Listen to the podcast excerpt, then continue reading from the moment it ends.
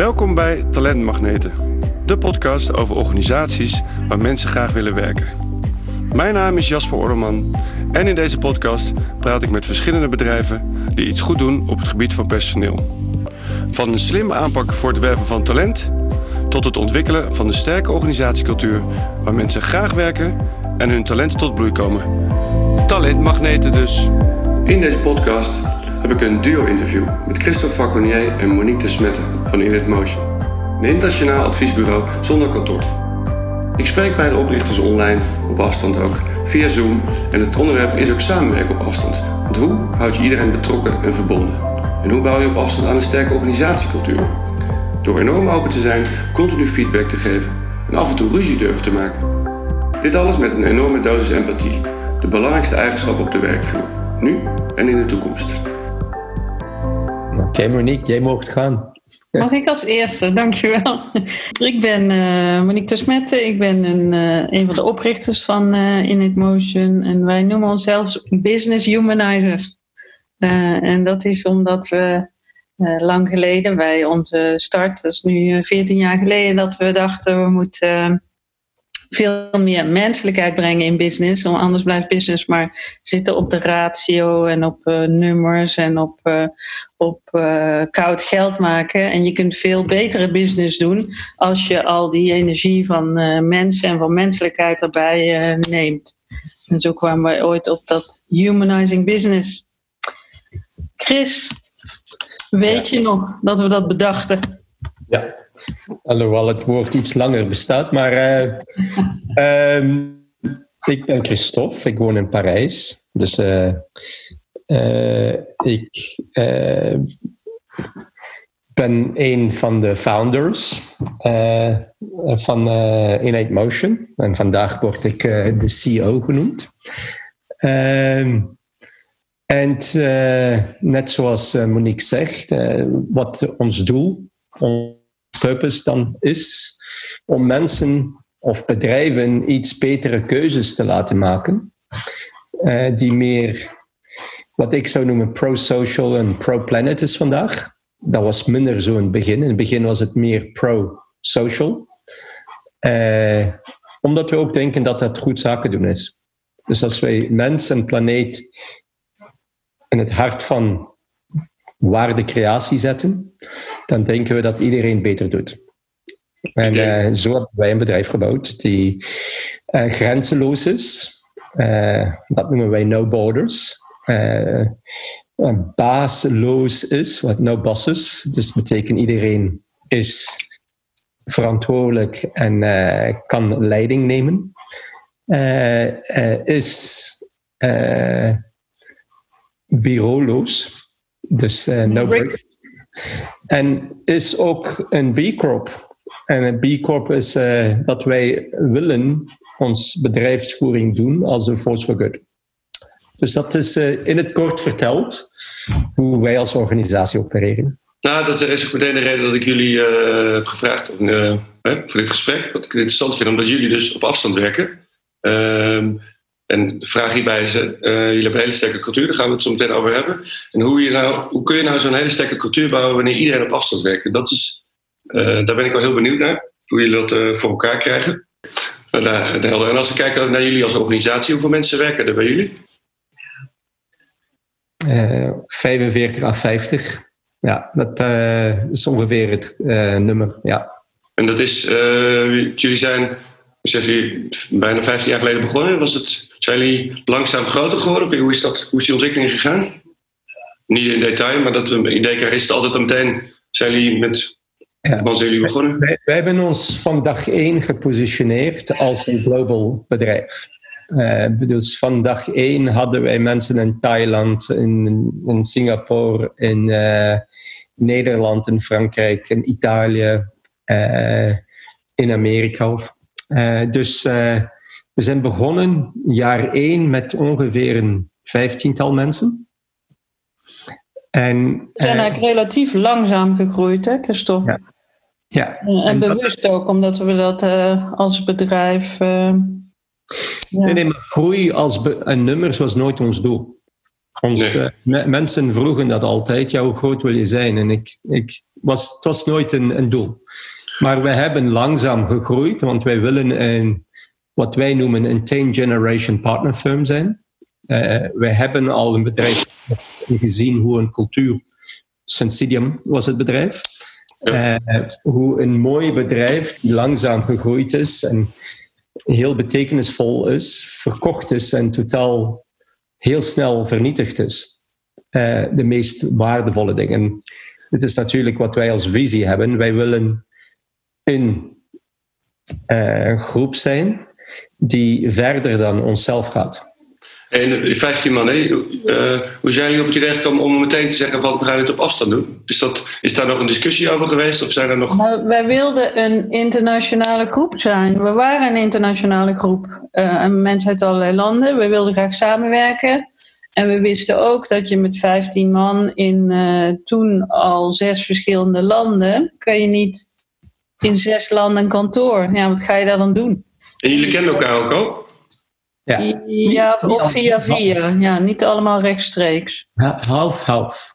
Dat is, eh, en, en dat is zo in het begin, dat maakte het makkelijk voor ons. Natuurlijk, eh, ik werkte met Monique, ik werkte met Benoit, en we werkten met Femke, met Joyce Free, eh, met Dirk. Dus dat was al een basis om makkelijk meer eh, verder te gaan. Dus, maar daarna, als ik kijk naar vandaag, eh, we hebben als cultuur een heel sterk kunnen om mensen te houden. Eh, eh, dat is deel van onze cultuur. Maar als dat ook niet past, dan gaan mensen weg. Dus in de eerste maanden doet dat wel. Of het eerste jaar is waar het gebeurt. Je zegt eigenlijk daarmee dat mensen zijn of haken binnen drie, vier maanden af, want het werkt niet, of ze blijven meteen voor lifetime, min of meer. dat is, eh, ik Ja, ja, ja. zou niet zeggen vier maanden. En soms gaan ze weg, maar blijven ze vrienden voor een lifetime. Hmm. Maar ik denk dat in dat op afstand werken, dat er een heel groot. eh, wij hebben veel voordeel gehad van dat het videobellen op een gegeven moment eh, makkelijk werd, eh, technisch gezien. Toen Skype begon, deden ze dat eerst alleen met audio. En wij maakten daar veel gebruik van om met elkaar te overleggen. In het begin hadden wij huizenhoge telefoonkosten. En eh, door Skype werd dat, dan, eh, werd dat dan minder. Maar du moment dat er videobellen bellen kwam, wij elkaar konden zien. Hè, we zijn, eh, eh, Chris is een, eh, is, eh, eh, een, een, eh, een, Belg Zuid-Afrikaan. Eh, eh, ik ben een Nederlander. Als wij met elkaar in het Engels praten, ben ik de non-native. En dan is het handig om ook gezichtsuitdrukking te zien, lichaamstaal te zien, om te begrijpen wat iemand eh, zegt. Ja. En dat kan eh, via beeldbellen wel goed, als jullie idee.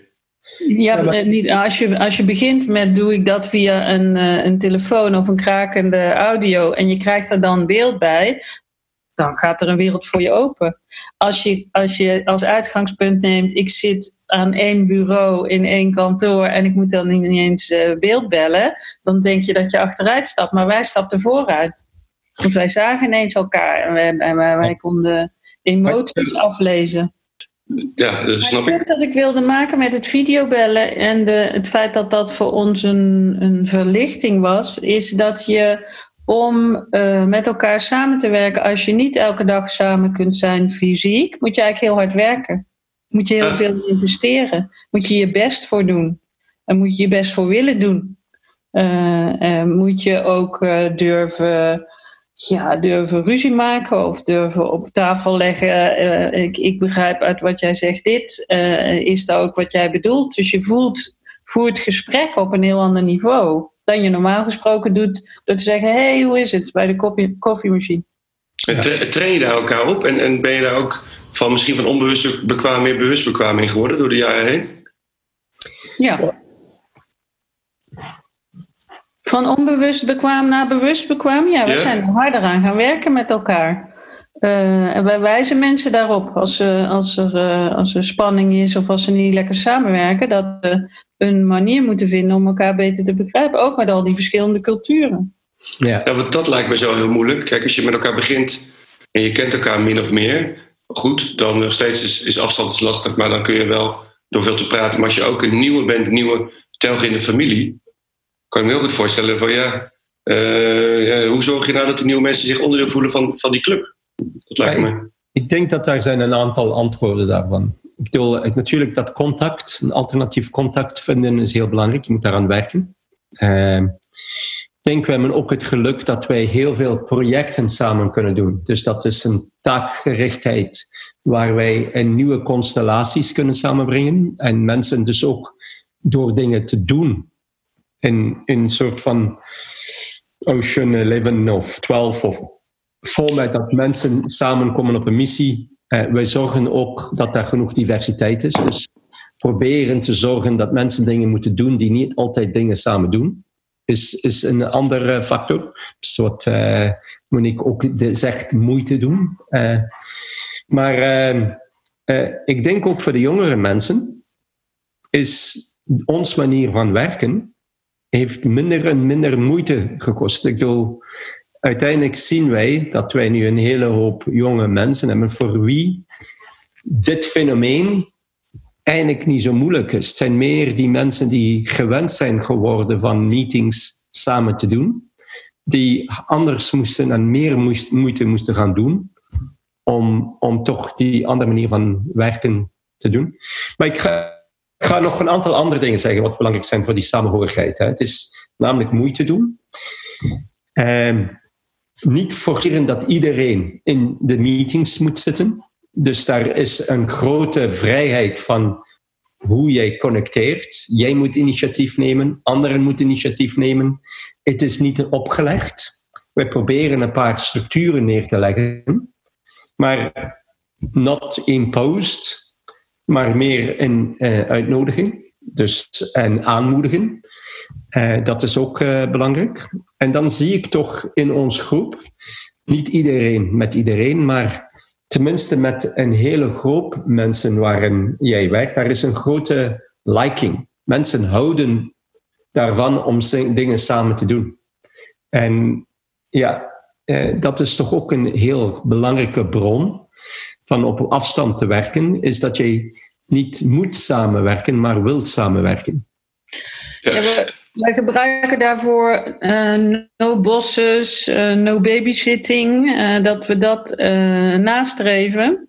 En ehm, dat is iets waar mensen een beetje aan moeten wennen, maar waar ze vervolgens, als ze daarin in terecht kunnen komen, in die, die manier van werken, krijgen ze heel veel energie van.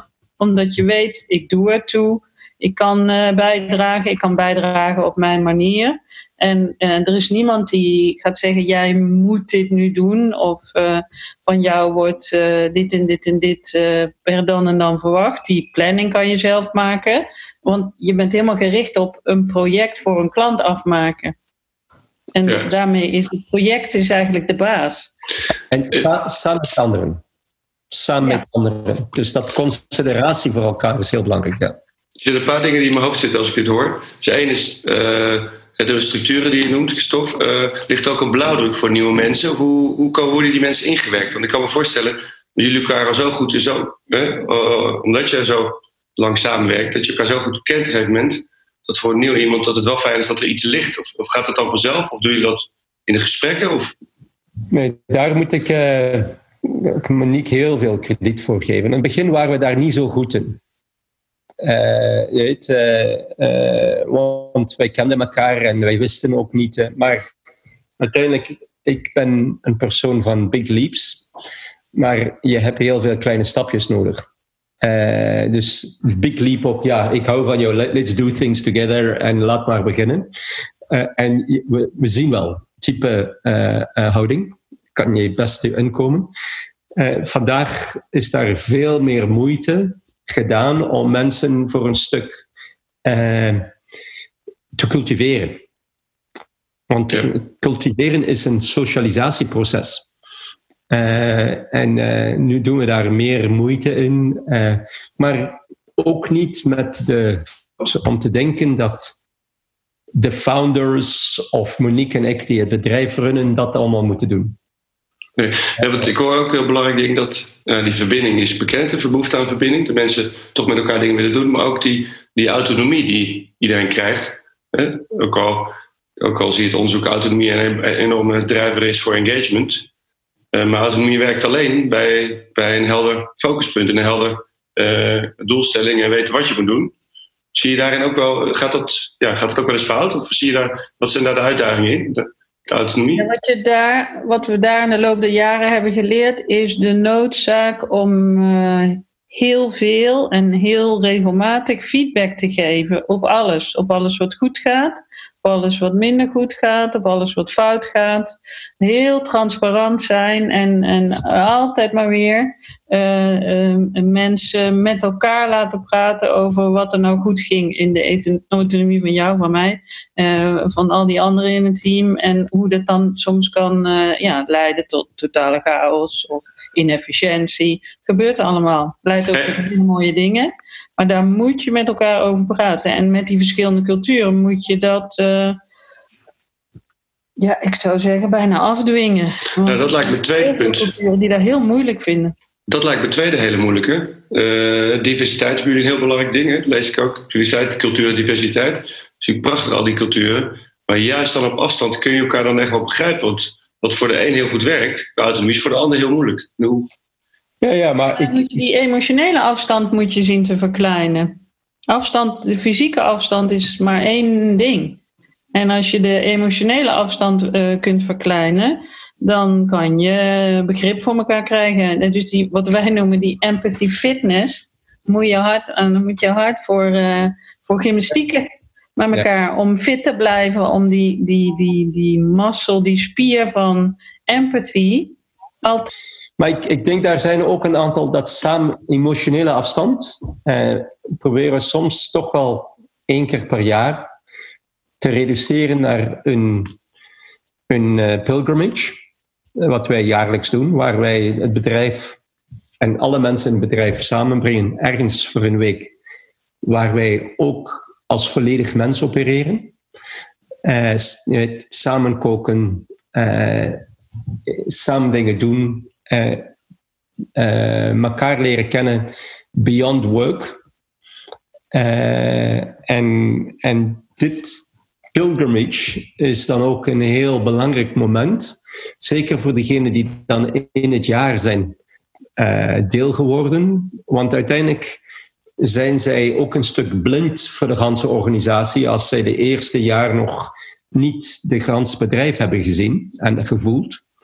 Dus die pilgrimage is dan een, een heel belangrijk moment om de geheel weer aan te voelen. We proberen nog veel meer momenten in het jaar samen te komen. Altijd als we, als we reizen, als we voor een klant, voor een project ergens zijn. Als daar andere mensen ook zijn, zorgen dat we elkaar ontmoeten.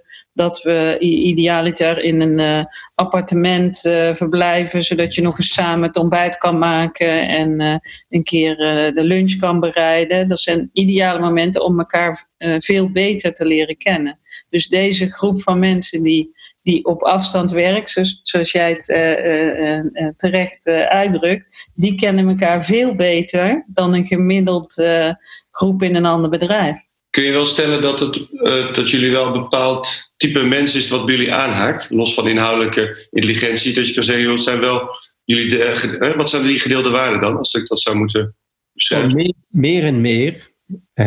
dus dat is ook voor ons een traject geweest. Dus uh, meer mensen die bij, bij ons komen omdat zij ook een business van Force eh, weten, omdat wij een B Corp zijn.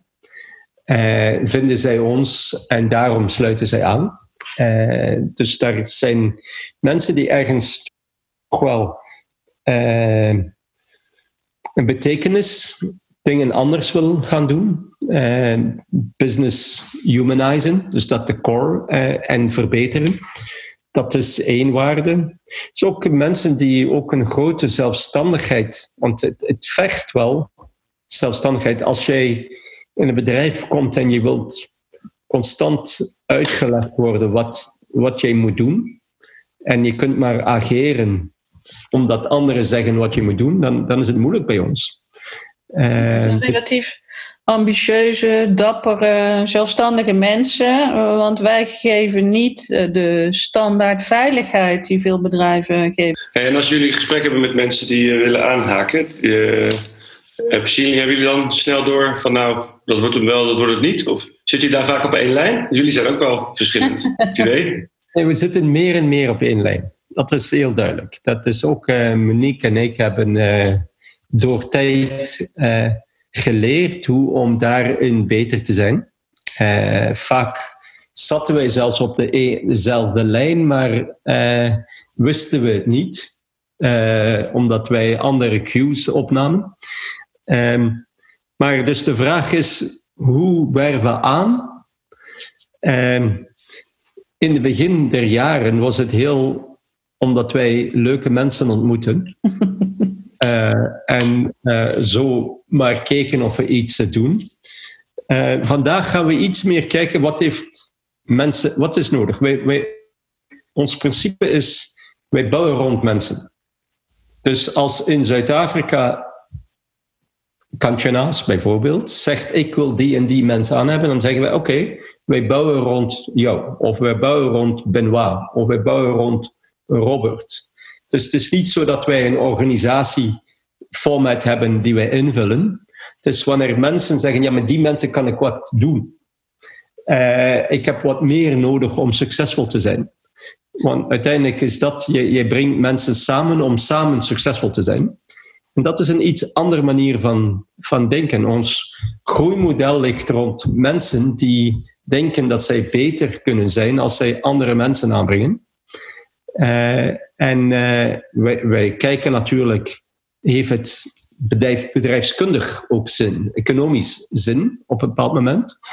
Maar ons groei is 100% gebouwd rond mensen die weer wat verder willen groeien en daar andere mensen aan brengen. En heb je een voorbeeld van iemand die, waarin jullie eh, totaal op een verschillende lijn zaten, qua mensen wel of niet aannemen, en die dus enorm succes is geworden, of juist helemaal niet? Of jullie? Nee, we hebben voorbeelden van waar, uh, de andersom, laat het zo zeggen, waar we niet op dezelfde lijn zat en daarom ook uh, een, een totaal faling was.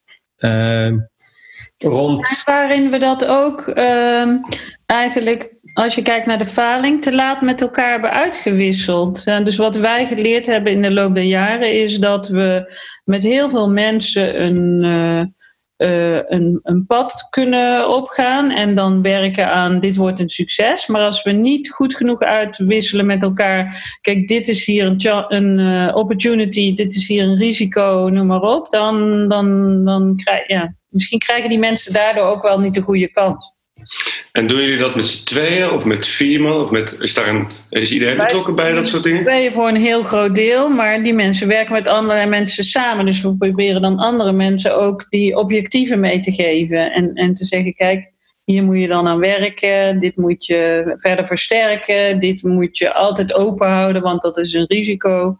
Uh, dus we, we spreken uitgebreid over mensen en over hoe ze het doen. Dat is belangrijk taak dat is ons belangrijkste taak ook. Hm. Is de dus, grootste, grootste leer, leercurve misschien de afgelopen 15 jaar is om nog meer echt continu te blijven benoemen en heel proactief te zijn in je empathie. En... Ja, absoluut. En het vermoeiende toe soms. Het is zo ongemakkelijk, zoveel openheid over, over iemand zijn ontwikkelingen met de, met de upside en de downside. We hebben ook wel eens gesproken over, over gossip wat, wat lijkt iets negatiefs te zijn, maar wat eigenlijk ook een hele mooie social lubricant is. Dus je moet veel met elkaar en ook over elkaar praten. Met dat objectief van die, we willen daar uitkomen met z'n allen. Maar een goede manier van duiden is, ik ben, zoals je zelf weet, veel makkelijker om mensen te zeggen, ja, kom, kom er maar bij. Uh, maar dan ben ik ook veel makkelijker om te zeggen, ja, het werkt niet, let's move on. Uh, waar Monique duidelijker of iets, mag misschien het woord niet gebruiken, maar... Iets met beren? Iets meer... Uh, kritisch is misschien een verkeerd woord, maar vragend, dat is dan het, uh, zal zijn in het begin, maar veel harder zal werken om de mensen erbij te houden. En die combinatie lijkt me ideaal. Een uh, optimistische opportunist en een. Ja. ja. Ik zou mezelf niet opportunist noemen. Ik open, genereus. ik had ook graag willen dat jullie elkaar zouden beschrijven. Dat is ook heel mooi erin. Van wat, uh, Monique, wat doet Christophe heel goed in dat cultuurstuk wat, je, wat jij mist? Um, ik denk dat uh, uh, waar Christophe geen opportunist genoemd uh, wil worden, zie ik bij Christophe ook een, soms een naïviteit die heel verfrissend kan zijn. Dus dat je na naïef uh, wil blijven kijken naar mensen, naar kansen en naar de wereld en wat een team samen kan doen. Um, en um, ik, ik, ik vind dat naïeve heel ongemakkelijk. Word ik heel, heel, zelf heel ongemakkelijk van. Ik maar je waardeert het wel dus, ja. Je vindt Zeker? het wel, ja. Ja, ja, zijn naïviteit is een positieve uh, energie. Uh, ik, ik, zou het genereus noemen. Ah, ja, ja. Dat, dat op zich is al naïef. nou, so why, be, why, why be fair if you can be generous? Maar, en Christophe, als jij Monique dan uh, zou moeten beschrijven wat, je, wat zij, die enorme kracht, kracht die zij heeft uh, om die cultuur te laten bloeien, wat, wat jij misschien minder hebt, dat je zegt, nou dat is iets, uh, ja, dat vind ik heel mooi. Ja, ja, maar Monique, het is ook, Monique is niet altijd zo makkelijk om te waarderen als je haar niet kent. Of je hebt haar heel lief of niet. Maar ik heb haar elke dag meer lief leren krijgen. Ik weet niet of dat Nederlands is, maar uh, die ontwikkeling. Uh, zij, zij breekt dingen in stukjes, waar ik grote stappen aanmoedigt. Uh, dat zijn wij complementair. Uh, zij uh, gaat hard werken, niet enkel om de euro's te helpen, maar iedereen. Um, iedereen moet kunnen groeien. En ze zoekt heel hard, maar indien de groeipad niet kan, op deze manier, dan op een andere manier. En zij, zij is om een ander woord, nee, een woord die, die misschien een, zo erg is als naïef. Uh, zij is koppig. Uh, en, en dan positief koppig. Als het naïef positief kan zijn, dan koppig ook. Ja, ja. volhardend is dat dan. Hè? Dat volhardend. Ja, ja. We moeten over vol, volharding en genereus praten, niet koppig. Ja, en ja. ik denk dat uh, in vrij veel bedrijven mensen moeite hebben met, met elkaar te worstelen. Ja, durven te worstelen. Durven, durven ook. Te worstelen, ja. ja, ja. En uh, Chris en ik uh, durven te worstelen. Durven ook tegen elkaar te zeggen van... nou, van de week kon ik je wel even uh, door een... ja, Christophe maakt een uh, mooie audio uh, keelgebaar. En je, als je ook durft op elkaar kwaad te zijn en durft elkaar een hardgrondige hekel te hebben en dan weer lief te hebben, dan kom je ergens. Maar dat is eigenlijk in een business context heel ongewoon. Dat doen mensen niet, terwijl, ja, helpt wel in zo'n bedrijf. Het is enorm humanizing om dat te doen. Ja, ja. Wat is vertrouwen? Uiteindelijk kunnen wij oneens zijn, maar de relatie gaat daar niet door stuk. En dat is ook uh, met mensen die weggaan. Uh, kun jij stoppen met samenwerken, maar de relatie loopt daar niet door stuk. Maar dat is wel een bijzonder ding, hè? wat we eerder zeiden. Dat er echt uh, ja, alle oud-werknemers zijn ambassadeurs. En die zien jullie ook op events komen die terug. En die, die praten ja. met vol lof over jullie. De contact is goed. En dat is... Uh... Maar het is ook een filosofie met klanten. Hè? Wij, wij noemen ons ook fellow travelers. Zowel binnen het bedrijf, maar ook met klanten. En met oud-collega's. Uh, we blijven samen reizen. En dat is de metafoor van ons bedrijf. Wij zijn reizigers. Uh, en reizen samen. En soms komen wij bij een haven. Is dat Nederlands? Poort? ja, haven waar sommige mensen even van het boot stappen. Maar eh, eh, omdat de reis niet meer interessant genoeg is. Maar uh, we, we blijven elkaar graag zien. En we zitten nu in de coronacrisis, alweer een paar maanden verder.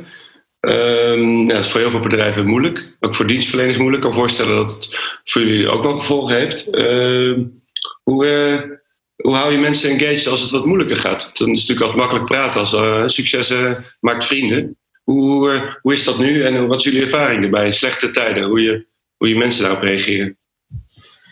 Ja, ik, moet zeggen, wij, wij hebben het uh, commitment, het gaat ook met de commitment, om, om de groep samen te houden. Dus uh, wij kijken naar alle alternatieven, maar ons, het is heel moeilijk om sterk cultuur met goede mensen die zo kunnen samenwerken te bouwen. Dus mensen laten gaan doet heel veel pijn. Dus wij proberen dat ten alle kosten te vermijden. En wat mooi is, meeste van, of iedereen, 100% van de mensen die er zijn, zij willen dat ook. Dus wij, wij, wij hebben natuurlijk een omzetverlies gehad, zoals de meeste bedrijven, vermoed ik, in onze sector. Maar wij overleven het, want iedereen boet in. Zeg ja, ik moet toch meer tijd aan mijn kinderen geven.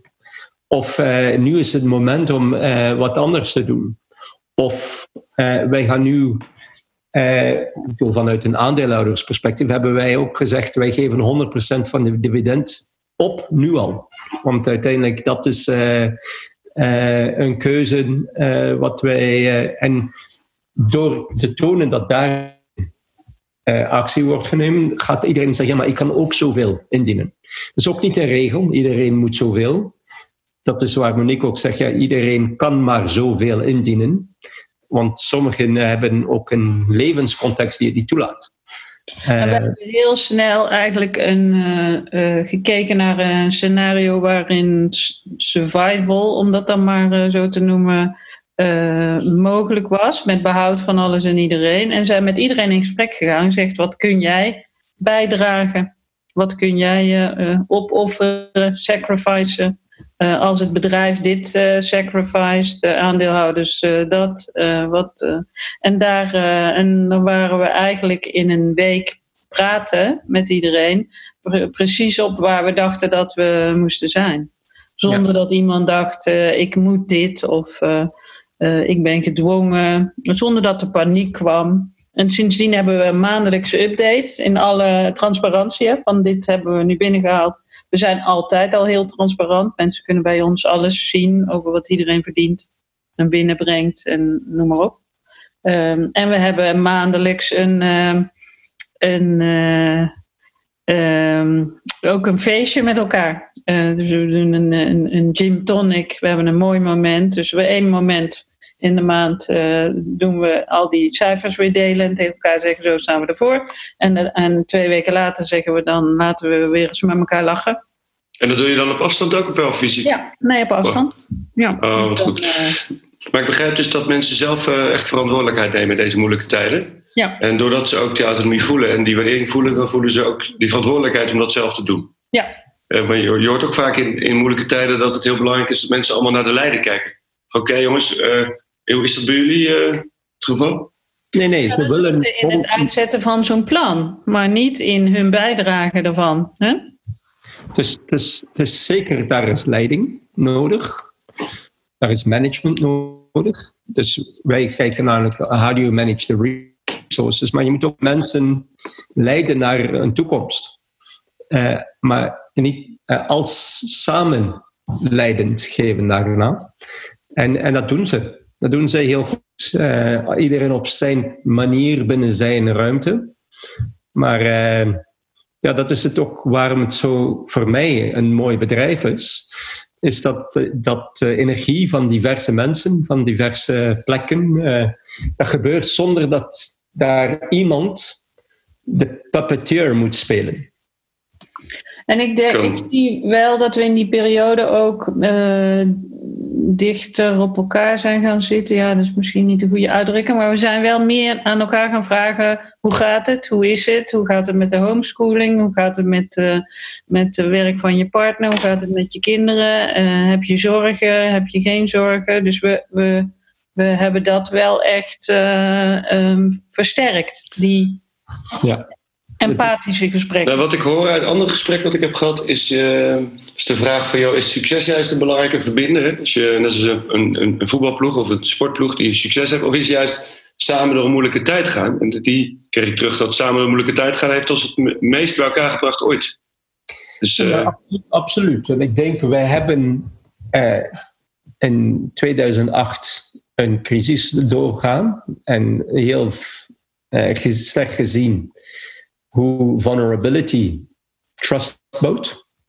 Uh, en daarom hebben wij ook heel sterk altijd vermeden om de waan van niet vulnerable te zijn uh, te bouwen. Dus wij hebben die vulnerability over die 15 jaar altijd aanschouwd. Uh, dus dat heeft ook een heel sterke bron geweest tot collaboratie en vertrouwen. Dus ja, wetenschappelijk is ook bewezen dat shared vulnerability builds trust. En ja. En nog even over de crisis, de praktische kant van de crisis ook. Uh, los van het businessverlies. Uh, heel veel organisaties worstelen natuurlijk met het remote werken nu. Uh, al jullie klanten weten dat jullie al 15 jaar remote werken, bijna. krijg je veel vragen om, om, om, om advies? Ja. En, en, als je, als je drie, drie belangrijke tips zou moeten geven aan organisaties op het gebied van remote samenwerken, wat zouden dan de drie de top tips zijn? Jij hebt daar een ganse sessie over gehad, dus ik laat jou oh, daar. Ja. um, een van de tips is uh, over dat remote werken is inderdaad uh, gebruik de, de video. Uh, zodat je elkaar kunt zien en beter kunt begrijpen. heb aandacht voor de situatie waar de ander in is. Hè? Heb aandacht voor, voor de homeschooling. Ik hoorde pas van iemand die werkt in de beauty-industrie en, en, haar baas belde en zei: Oh, heb je nu ook, uh, omdat je minder reist, zoveel tijd voor een mooi skincare moment, dat je een masker kunt doen en noem maar op. En zij zei tegen mij: Sorry, ik, ik ben nu werkster, kok, uh, teacher, uh, en dan heb ik ook nog een fulltime baan. er zit helemaal. Dus die baas was even vergeten dat daar een heel wereld en leven achter zit bij zo'n uh, jonge vrouw. Waar je daar helemaal geen. En dat, en dat doet pijn. Want dan ben je helemaal miskend. Dus heel goed erkennen de situatie waar iemand in zit. En meer met elkaar praten dan. En dan het andere, ik denk wat ook belangrijk is, is en genoeg tijd te houden voor inefficiëntie. Wat bedoel je daarmee? Ja, dus ook praten over andere dingen, lachen. Uh, uh, meetings kunnen heel gericht zijn. Iedereen moet naar het beste van zichzelf tonen. Uh, ja, dus wat ik zie is, je moet ook tijd nemen, een beetje vroeger of een beetje later, om te connecten. Als men, de koffiemachine moet er ook nog zijn. Eh, de serendipity momenten die uh, aanwezig zijn in een kantoor of een gezond werkomgeving, moet er ook nog zijn. Ja, de rol van play eigenlijk. De rol van play, maar van spontaan contact, van uh, een stuk over niet de efficiëntie van werk te praten, maar over andere dingen. Daar, daar moet ook een stuk tijd voor gegeven worden. Mooi, dank je. Ik heb uh, tenslotte nog een paar stellingen. We kijken of jullie daar op één lijn zitten. Of juist uh, agree to disagree. Zo is dat oh. heel fijn. Ja, dat is fijn. Ja, deze stelling ligt, denk ik, is denk ik volmondig bij jullie. empathie en verbinding kunnen prima via Skype. Ja. Ja. Anders werken jullie niet zo. Hè? Ik, wat ik net ook hoorde over wat je net gaf, als, Monique, als tip voor het doorvragen, verbeelden, verplaatsen in de ander, dat eigenlijk de relevantie van, van empathie nog nooit zo groot geweest is in het werkende leven, nu, hm. in deze tijd. Ja. En goed communiceren en uh, kijken naar lichaamstaal, luisteren naar intonatie, uh, doorvragen. de, de, grootste barrière voor empathie is hiërarchie. Hm uiteindelijk uh, door zo te moeten communiceren, is die uh, barrière ook voor een stuk uh, makkelijker geëlimineerd. Ja. Volgende stelling. Culturele verschillen zijn tegenwoordig minder groot dan generatieverschillen.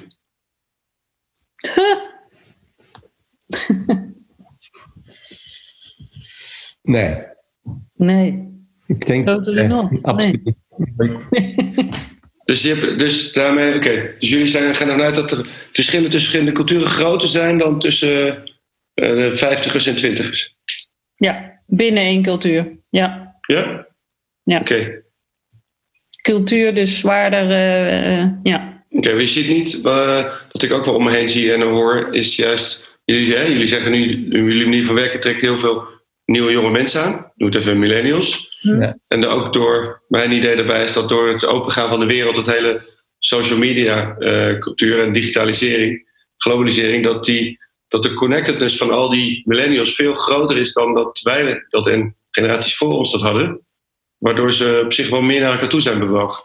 Dat is zo, ja. Dus, dus die jonge generaties die maken makkelijker gebruik van social media, de computer, noem maar op. Maar daarmee zijn die culturele verschillen nog steeds gigantisch. Ja. Ik sprak pas met uh, iemand in ons team, August, die woont in Shanghai. En die, hij was heel, uh, ja, een beetje bijna afwezig, ongemakkelijk. Het was een heel ongemakkelijk gesprek. Dus op een gegeven moment zei ik, joh,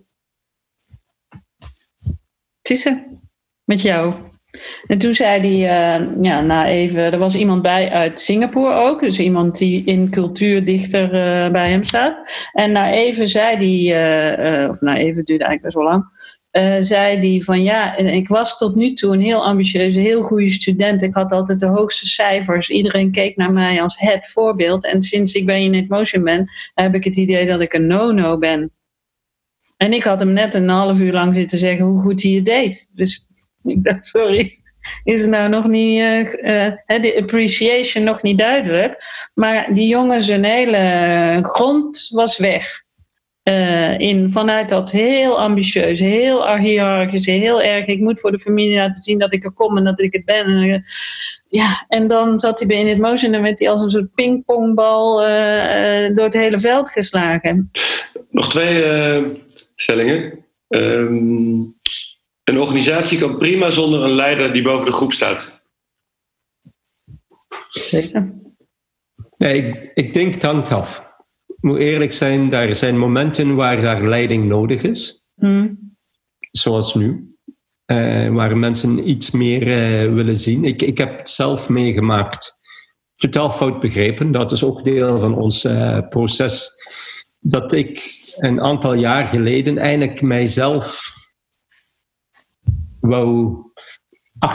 De metafoor was, en mensen, en dat is het mooie, dit, dit groep mensen kwam naar voren en zei: Ja, Christophe, je mag niet achter in de bus gaan zitten. En mijn eigen rationeel was: Ja, get out of the way. Uh, geef ruimte uh, en al dat. Maar dat, mensen willen wel ruimte, maar ze willen niet hebben dat je achter in de bus kan zitten. Maar dat is dan nog weer iets anders dan boven de groep staan. Het zit hem voor mij ook in dat boven de groep staan. Een groep uh, kan niet zonder leider. Ik geloof ja. dat leiderschap moet zijn. Maar dat leiderschap hoeft niet te komen vanuit boven de groep. Hiërarchie. Nee, nee. Ja. maar dat, ik had die metafoor van boven daar niet ingenomen. Maar oh, leiding, ja. is, ja. leiding is nodig. Ja, en, ja. En ze willen leiden. Laatste stelling dan. Je moet je mensen alle ruimte geven. Dan ontstaat er vanzelf iets moois. Dat, hier gaan wij het niet over eens zijn. Ja. Eindelijk. Zo zeggen, van, vanuit nu mijn oude transitie van naïef tot genereus. In mijn naïviteit had ik wel zo gedacht. Dus dat was juist zo, ja, ga maar achter in de bus uh, zitten. Uh, eerst, het is goed voor het bedrijf en mensen willen het zo. Uh, mijn eigen leerervaring was eerst, het is niet goed voor het bedrijf. Twee, mensen willen het ook niet zo. Begrijp ik het goed dat jij eerst zou zeggen ja en je zegt nu nee? Ja. Dan begrijp je goed. En Monique zegt nee, zij nee en zegt nee. Ja, ik, ik, ja, je moet mensen ruimte geven, maar die ruimte moet wel uh, gecontextualiseerd zijn. Wel uh, weten waar, waarheen, waarvoor, waartoe. En moet je dan een purpose hebben, een objectief. Ik zou het heel simpel ruimte geven met Monique regels. Dank jullie wel. Ik vond het een fijn gesprek. Wij ook. Dank je wel.